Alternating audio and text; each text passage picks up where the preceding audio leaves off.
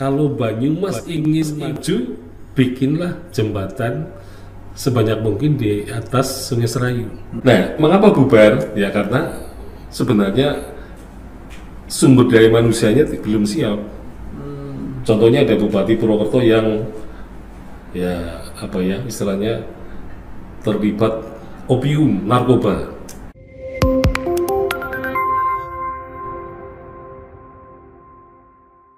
Assalamualaikum warahmatullahi wabarakatuh. Para pemirsa yang budiman di mana pun anda berada berada jumpa saya Limandur Kelungsu di acara kesayangan kita semua. Fokus, Fokus Banyumas Podcast Yaitu sebuah acara yang bercerita tentang bumi Banyumas Apa saja yang ada di Banyumas, serba-serbi tentang Banyumas. Dan pastinya setiap di acara Fo- Fokus ini Menghadirkan bintang tamu-bintang tamu yang luar biasa sekali Nah, sebelum kita hadirkan bintang tamu kita kali ini, jangan lupa like, komen, dan subscribe. Itu yang terpenting. Dan fokus hadir di Selasa dan Jumat. Pantengin saja di channel YouTube-nya. Oke, para pemirsa yang budiman di mana pun anda berada, eh, kali ini eh, di Fokus Banyumas 1 Desember kehadiran yaitu guru besar kita yaitu Profesor Dr. Sugeng Priyadi M Hum. Ya. Assalamualaikum Prof. Waalaikumsalam. Profesor Dr. Sugeng Priyadi ini adalah dosen Fakultas Keguruan, gitu Prof. Laras dari Ilmu Pendidikan Universitas Muhammadiyah Purwokerto. Sehat gitu Prof? Alhamdulillah. Alhamdulillah. Kegiatannya gimana Prof? Kegiatannya ya membuat video, Membuat video? ya, di channel, kemudian menulis juga. Membuat channel. Iya buat channel. Channelnya apa itu Prof? Sugeng Priyadi channel. Oke. Iya. Para fans dari Fokus Banyumas Iya. subscribe di channelnya Sugeng Priyadi Channel. Iya. Sugeng Priyadi Channel ya? Sugeng Priyadi channel. ya. Jadi isinya dakwah sejarah. Wah, konten dakwah dan sejarah. Iya, sejarah. Yang- Dakwah sejarah bukan. Iya. Jadi isinya Dakwah. mengenai sejarah, bisa sejarah Banyumas, sejarah Purwokerto, dan juga ilmu-ilmu mengenai kesejarahan. Ilmu-ilmu mengenai kesejarahan, Kesejarahan. tapi lebih di sejarah kebanyumasan ya, Prof. Iya, Banyumasan. Ya. Oke, Profesor Dr. Sugeng Priyadi itu eh, luar biasa masih semangat terus. Iya. Setelah itu nulis buku juga. Oh menulis buku juga. Eh, di sini buku apa yang menjadi concernnya Profesor Sugeng? Jadi ini buku tentang Banyumasan. Jadi saya sudah menulis sejarah kota Banyumas, kota Purwokerto, Sokaraja, Hmm, Sokaraja. ya, terus eh, sejarah intelektual Banyumas, Sejarah intelektual. sejarah Banyumas. mentalitas Banyumas. Jadi Artinya ya secara intelektual kan kaitannya bicara sejarah yang dalam bentuk pikiran. dalam bentuk Iya. sejarah dalam bentuk. Kalau orang kan lihat bentuk benda ya, ya ini sejarah dalam bentuk benda. Oh, misalkan artefak gitu ya. Artefak. Iya, kalau yang pikiran itu yang kita ingin mengetahui pikiran apa yang dilakukan oleh manusia pada masa itu ketika ia melakukan suatu keputusan tertentu. dan itu ada sejarahnya. Ada sejarahnya dan juga eh, secara psike.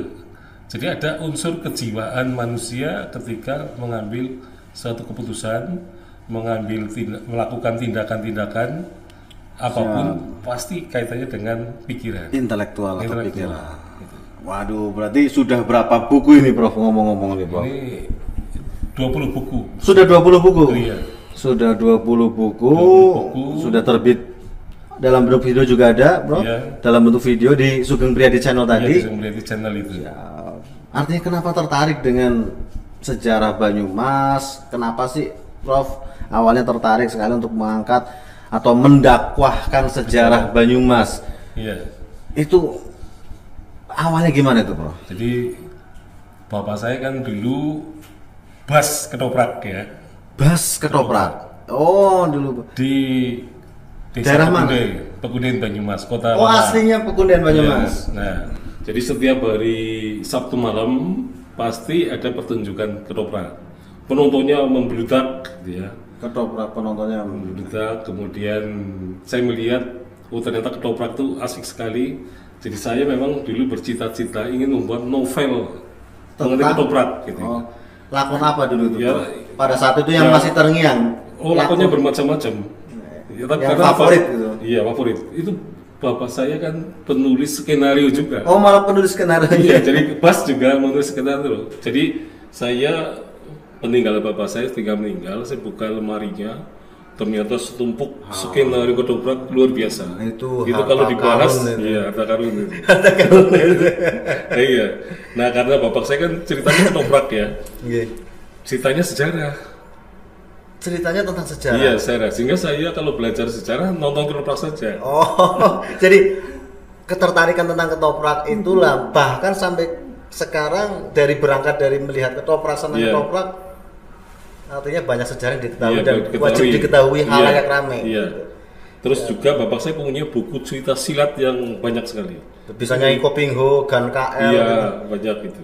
Tapi kebanyakan saya membaca yang penulis-penulis Jawa, Oh, penulis-penulis. penulis Indonesia lah ya, yang mem- anu, jadi cerita mengenai babat, eh, ya kok cerita babat-babat itu di, di- di- diceritakan dalam Kayak babat cerita- pasir, Iya. babat Tapi kalau babat pasir belum dibuat Oh, sampai. oh, belum dibuat. Iya, tapi ada orang juga yang bikin skenario itu. Jadi ada orang desa saya dulu dia seorang digulis ya. Jadi pernah- Digulis. Iya, pernah dibawa ke Digul orang itu. Oh. Ketika pulang, ya dia menulis skenario ketoprak, babat pasir, Babat pasir. cinta kamantaka gitu. Menarik menarik sekali. Jadi apa eh, ternyata kita kehadiran ilmu yang berjalan. Iya. Jadi luar biasa karena Iya. eh, kalau kita nggak mengetahui sejarah eh, tempat kita sendiri, waduh, bagaimana akhirnya kita akan tahu. Nah itulah ya. Saya kan tadinya kan belajar sejarah sejarah dunia, sejarah Mesir, Babilonia, Babilonia apa? Babilonia, ya. Kemudian Mesopotamia, Babilonia, Babilonia itu di eh, Irak Alexander kuno. the Great. Iya, terus di Eropa, Yunani kuno, Mesir kuno. Nah, saya kadang-kadang loh, saya bisa tahu sejarah mereka. Tapi justru sejarah Banyumas saya nggak tahu ya. Nah, ini menarik Prof. Awalnya terkait gitu. dengan sejarah uh, Nah, sehingga- sudah meneliti di banyak sejarah itu sampai-sampai yang paling monumental atau mom apa ya itu tentang pergantian hari jadi di Banyumas itu. Iya. Itu kayaknya gempar kayak akhirnya jadi Banyumas lebih tua. Iya. Kok yang dulu sering April ya dulu ya Prof ya. Dulu 6 April 6 April ijik-ijik menjadi 1582. 1582 Iya. ijik-ijik menjadi 22 Februari yang praktis menjadi lebih tua Prof Iya lebih tua. Banyumas Iya, betul. Banyumas lebih tua sekitar berapa Tapi sebenarnya tidak ijik-ijik. oh tiba ijik-ijik Karena itu prosesnya 25 tahun perdebatan. oh itu Jadi- itu sudah tidak tidak seketika itu muncul Tidak dari jadi itu. Jadi memang itu hari jadi itu kan di tahun 89 diseminarkan 89. ya. Nah setelah seminar kemudian banyak ke ketidakpuasan. berdasarkan naskah apa itu Prof Jadi itu yang apa? Yang hari jadi yang dulu itu tidak ada sumbernya sebenarnya. tidak ada sumbernya sama Tidak ada sekali sumbernya. kok bisa jadi hari jadi tidak ada Iya, sumbernya tidak jadi sumbernya itu. Makanya eh, saya kemudian kan mengajukan diri ya kepada Bupati Banyumas pada waktu itu Pak Joko Sudantoko. pada waktu Nah itu eh, apa proposal tanpa rupiah, tanpa benar-benar tanpa rupiah iya, ini ya? nol rupiah. Siap. Jadi ini padahal ini peristiwa yang luar biasa. Iya. Hari jadi Banyumas proposal tanpa rupiah. Tanpa menarik rupiah, ini. iya. Terus gimana nih Bro? Menarik Bro. Nah saya kebetulan pada waktu itu dapat dana penelitian dari Toyota Foundation dari Jepang. itu Akhirnya dari- saya pakai dana itu untuk menulis tesis S2. Jadi saya menulis tesis S2 itu dengan menggunakan 32 naskah babat Banyumas yang sudah dikumpulkan menjadi rujukan. menjadi rujukan. Nah, Siap, kemudian Bro. dari situ juga ditemukan ada naskah yang saya temukan tetapi bupati tidak boleh pinjam. Orang-orang tidak boleh pinjam. Tidak boleh. Kenapa Prof? Jadi itu dianggap pusaka. Tetapi anehnya ketika saya pinjam, Boleh. boleh. Bal ya kan silakan bawa pulang. Sekarang disimpan oleh Prof. Tidak, sudah saya kembalikan. Sudah saya- Jadi saya berjanji saya pinjam hari ini, seminggu yang akan datang, yang akan datang saya ke sini lagi. Karena saya ke sana kan jalan kaki, tidak naik motor. Berapa kilo? Dari kota Banyumas ke Kalibening, Duku Kalibening, Duku Kalibening. Desa Dawuan. Oh, yang ada di sana makam Mbah Kali Bening. Iya, di situ. Oh, Dawuhan Kali Bening. Dawuan Kalibening. Jadi saya dari rumah Pekundian itu jalan kaki, bukan naik motor. Jadi saya dulu pejalan kaki, seneng ke gunung-gunung gitu ya. Oh, adventure tapi dia jalan kaki. Jalan kaki. Nanti kalau haus, nanti ya kalau haus biasanya saya akan makan. Bukan bumbung ya. Enggak, pinggang. Kalau dulu rumah. tinggi pakai bumbung. Jadi rumah rumah yang saya lalui ketok itu. Anu Oh. atau mbok saya mau minta air minum karena saya haus. Jadi kalau haus Minta interaksi ke warga yang di yang dilalui, di situ, gitu. dilalui ya. sampai ke makam Mbah Kali Bening. Bening, ya. Nah, di situ juru kuncinya itu saya tanya loh, bupati tidak boleh pinjam, pejabat tidak boleh pinjam, mengapa saya kok bisa? Gitu. Ternyata si juru kuncinya cerita bahwa sebelum anda datang sini, itu saya diimpeni kakek saya yang dulu juga juru kunci. Nah, kakek saya mengatakan kepada saya, kalau nanti ada orang datang sini dengan ciri-ciri ini, ini, Disebutkan secara detail ciri-cirinya. Iya ciri-cirinya, maka kamu harus melayani orang ini dengan sebaik-baiknya.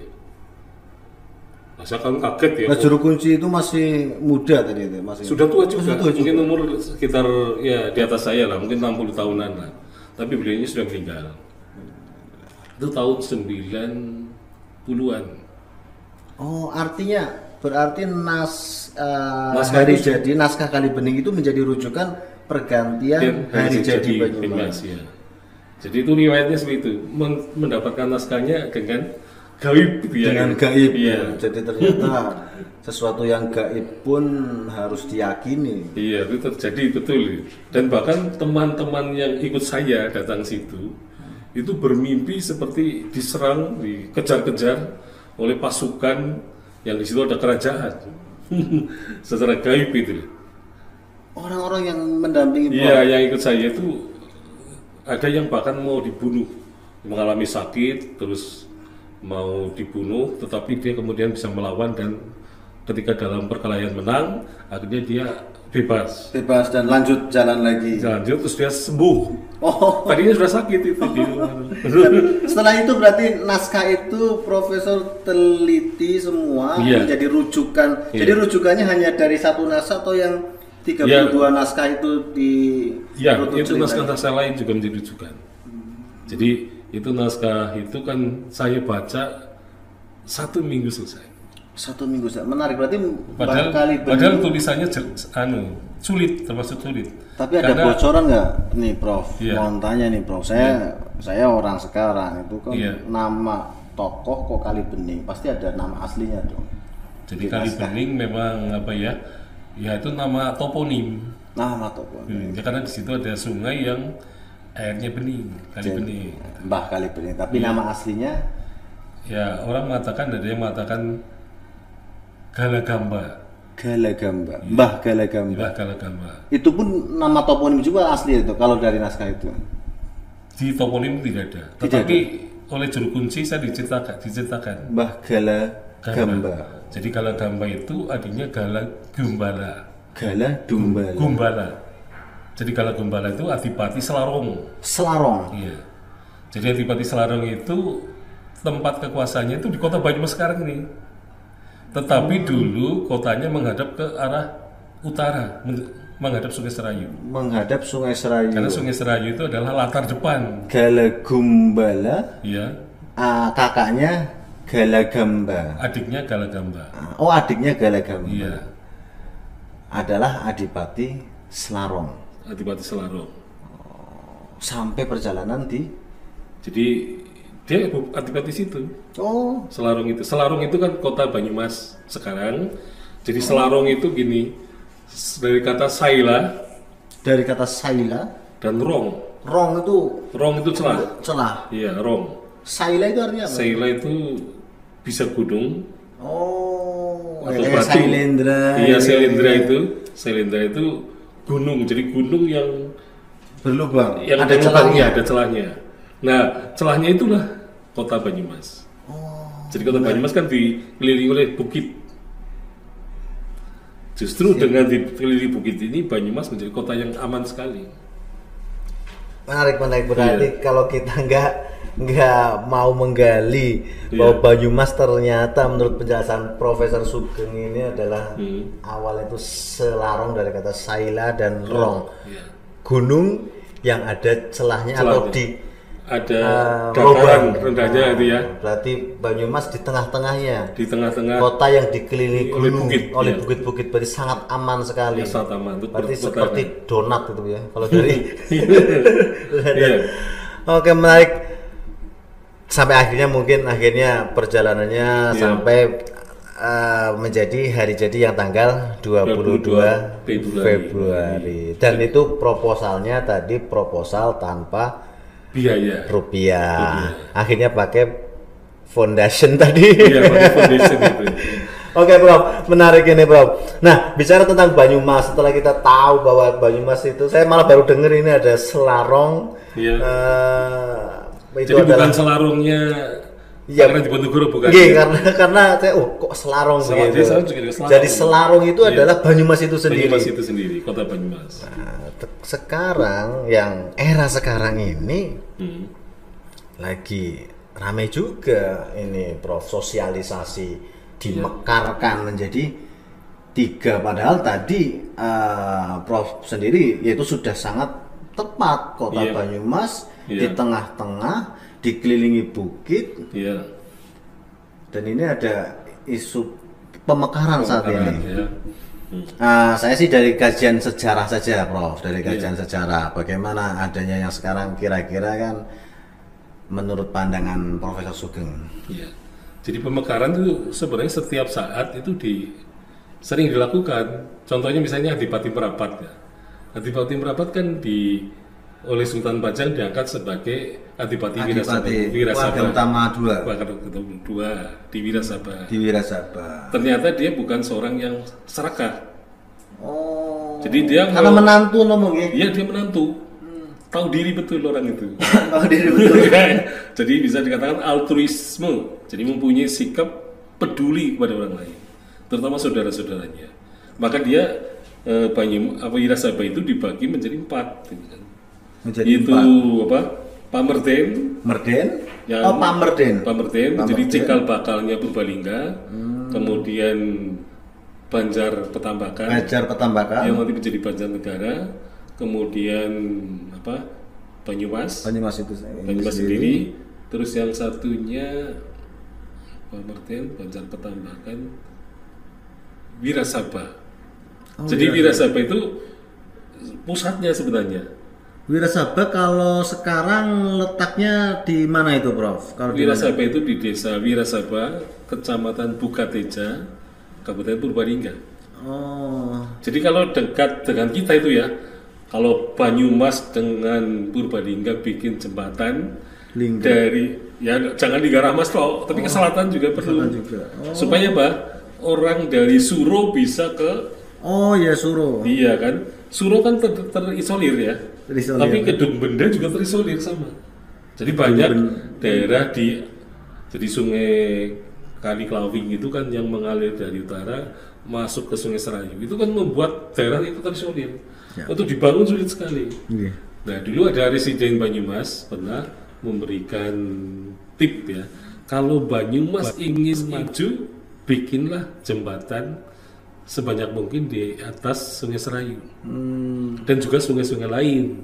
Seperti Linggamas itu udah bagus. sudah bagus Iya, penghubung. penghubung itu karena apa? Dulu daerah itu kan dari terisolir, tidak Ya. tidak bisa terhubungkan antara eh, apa Sokaraja menuju ke apa istilahnya Bukateja atau ke Bukateja. Jadi apa? tadi berarti berangkatnya Profesor ini ada isu pemekaran ini atau sosialisasi tentang pemekaran dari kajian sejarahnya Adipati Merapat dulu sudah pernah melakukan Sudah itu. pernah melakukan dulu. Jadi ini bukan sesuatu hal yang baru. Bukan hal yang baru. Berarti setuju ya, Bro? Ya, kalau untuk sekarang perlu dipikirkan lagi. Oh, perlu dipikirkan lagi. Nah, iya. Karena dari kajian sejarah itu sering kali yang namanya pemekaran itu bolak-balik. Oh, bolak-balik. Seringkali setelah dimekarkan, nanti kemudian dibubarkan. Dibubarkan. Ah, berarti itu kalau Adima, Adipati Merapat itu berarti eh, Banyumas awal sekali Iya, ya, Banyumas sekali. awal sekali. Kalau di pertengahan ini, Prof, sekitar tahun-tahun eh, berapa 50-an 60-an itu seperti apa keadaan Banyumas posisi teritori wilayahnya? Iya.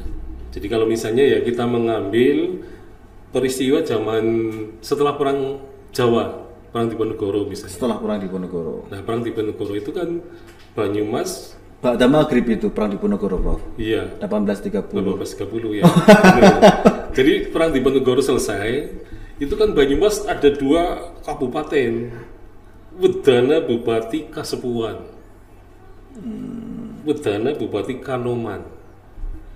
Nah, Banyak Wedana raja berarti. Ya, semacam seperti- semacam banyak raja-raja Iya, kecil. Iya, seperti raja kecil semangat itu. Jadi Wedana Bupati Kasepuan itu punya anak buah lima orang. Kalau yang Kas Kanoman punya empat orang bawahan. Yang disebut mungkin KBI lah ya, atau Hmm. Kanjeng Doro atau ya Kanjeng KBI, KBI, Oh. KBI. KBI. Jadi eh, mereka itu adalah adipat, eh, Bupati Anom pokoknya kedudukannya. Bupati Anom. Jadi Bupati Anom ada Bupati senior yang menjadi sesepuh mereka tua-tuanya. Nah ini kan berarti dulu Banyumas pada tahun setelah 1830 itu ada bupati yang dua, tapi punya anak buah empat, satu sini lima. lima. Yang senior punya lima, Iya, yang satu sini yang kanoman punya empat. empat. Berarti kan Wilayahnya Banyumas. Banyumas. Iya. Banyumas dari titik mana sampai titik mana pesat? Ya termasuk eh, apa Cilacap ya, tapi Cilacap belum belum muncul itu. Oh belum muncul. Iya. Jadi Cilacap, jadi Cilacap dulu masuk ke Ka- Kabupaten Banyumas karena dulu kan Cilacap ya Cilacap yang kota itu sampai itu batasnya ya eh, apa tidak sampai ke Juruk Legi. Kalau Juruk Legi itu dulu masuk ke Daya Luhur. Oh mau daya luhur Iya. dari berarti. Daya Luhur itu anu.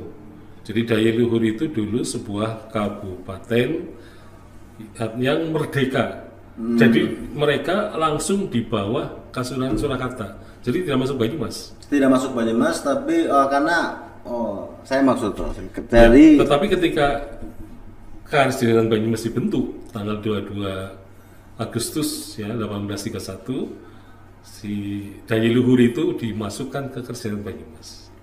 Jadi Banyumas ada lima bupati ini bupati. Ya, Banyumas, Purbalingga, Banjarnegara, eh, bukan Cilacap, Purwo, Aji Barang, Aji Barang. dan Daya Luhur. Oh, Aji Barang itu juga dulu. Kabupaten. Berarti kabupaten. Nah, menarik. Dulu berarti sudah terjadi pemekaran Aji. Barang. Iya, Seperti Barang. tadi Prof bercerita bahwa ini bukan hal yang baru. Ujung dulu pernah di pemekaran, terus dibubarkan. Nah, itu Aji Barang itu kan kena angin topan. Bupatinya mengungsi ke Purwokerto. Menjadi Kabupaten Purwokerto tahun 1830 Karena bupatinya mengungsi ke ke Purwokerto. hanya seperti itu akhirnya Iya. menjadi kabupaten Kabupaten. Purwokerto. Aji Barang ditinggalkan, maka nama Kabupaten Aji Barang diganti menjadi Kabupaten Purwokerto. Oh, berarti menarik ya, Prof. Dulu Jadi itu- bulan Oktober lah 1830. Dulu hanya dengan kejadian alam atau hanya dengan eh, itu saja bisa menjadi perpindahan Ibu kota. kekuasaan ibu kota. Kota, iya. Kalau Jadi sekarang di Barang tidak. Kalau sekarang rapat terus. Nah iya itu. Jadi Haji Barang bubar. Maka Haji Barang sejak bubar. Oktober 1832, Kabupaten Purwokerto ada. Sejak Oktober 1832. 1832. Tetapi nanti pada 1 Januari 1936, Kabupaten Purwokerto dihapus sama sekali karena Belanda merasa bahwa itu pemborosan. Merasa beran itu adalah pemborosan. Iya. Dikarenakan kenapa kok jadi boros? Ya karena mereka harus membayar bupati, ya pati, kemudian juga apa para wedana, para camat ya, Jadi kepala under distrik, kepala distrik, kepala under distrik, kepala distrik itu bedana, kepala under distrik itu ca- camat. Itu sampai ke bawah itu kan Simbol yang boros di Purwokerto saat itu dikatakan adalah Purwokerto Iya. kabupaten terboros itu mana itu Prof? ya. Adakah bangunan atau Oh, tempat sama banyak sekali pemborosan kota Purwokerto. banyak sekali. Ya karena dulunya gini ya, ketika ibu kota dihapus Kabupaten Purwokerto, maka di kemudian digabung dengan Banyumas. Dia punya tiga distrik, Tiga distrik. ya Jambu, Purwokerto, Aji Barang. Jambu, Purwokerto dan Aji Barang. Iya, ini gabung ke Purwokerto, Kabupaten Banyumas. Nah kan besar banget ya. Jadi, Besar banget. jadi itu sebenarnya sudah kembali ke fitrahnya kalau digabung Oh, berarti dulu Aji Barang bubar jadi Kabupaten Purwokerto. Iya. Terusan dibubarkan. Iya, Terus, jadi kota Gabung, gabung, jadi Banyumas. Pernah jadi kota Tip dibubarkan juga. Dibubarkan juga. Berarti ini termasuknya Purwokerto adalah ya, kota yang tidak beruntung. yang tidak beruntung dan nasibnya mantan apes terus. Apes terus itu kelihatannya. Oh, jadi ada bubar, ada bubar Iya itu. gitu. Nanti kalau ini dibentuk lagi bisa juga bubar lagi. Oh, artinya bahwa pembakaran ini ya. ada kemungkinan terjadi seperti di masa lampau. Iya. Nah, mengapa bubar? Ya karena sebenarnya sumber daya manusianya belum siap. Contohnya ada Bupati Purwokerto yang ya apa ya istilahnya terlibat opium, narkoba. Jadi pemekaran jangan dipakai dengan alasan menyejahterakan masyarakat. Itu kan hanya topeng saja kan. Topeng saja Topeng ini saja. Profesor Sugeng yang menganalisa jadi akurat, jangan hanya jadi topeng saja. Iya, karena apa? Saya katakan dulu,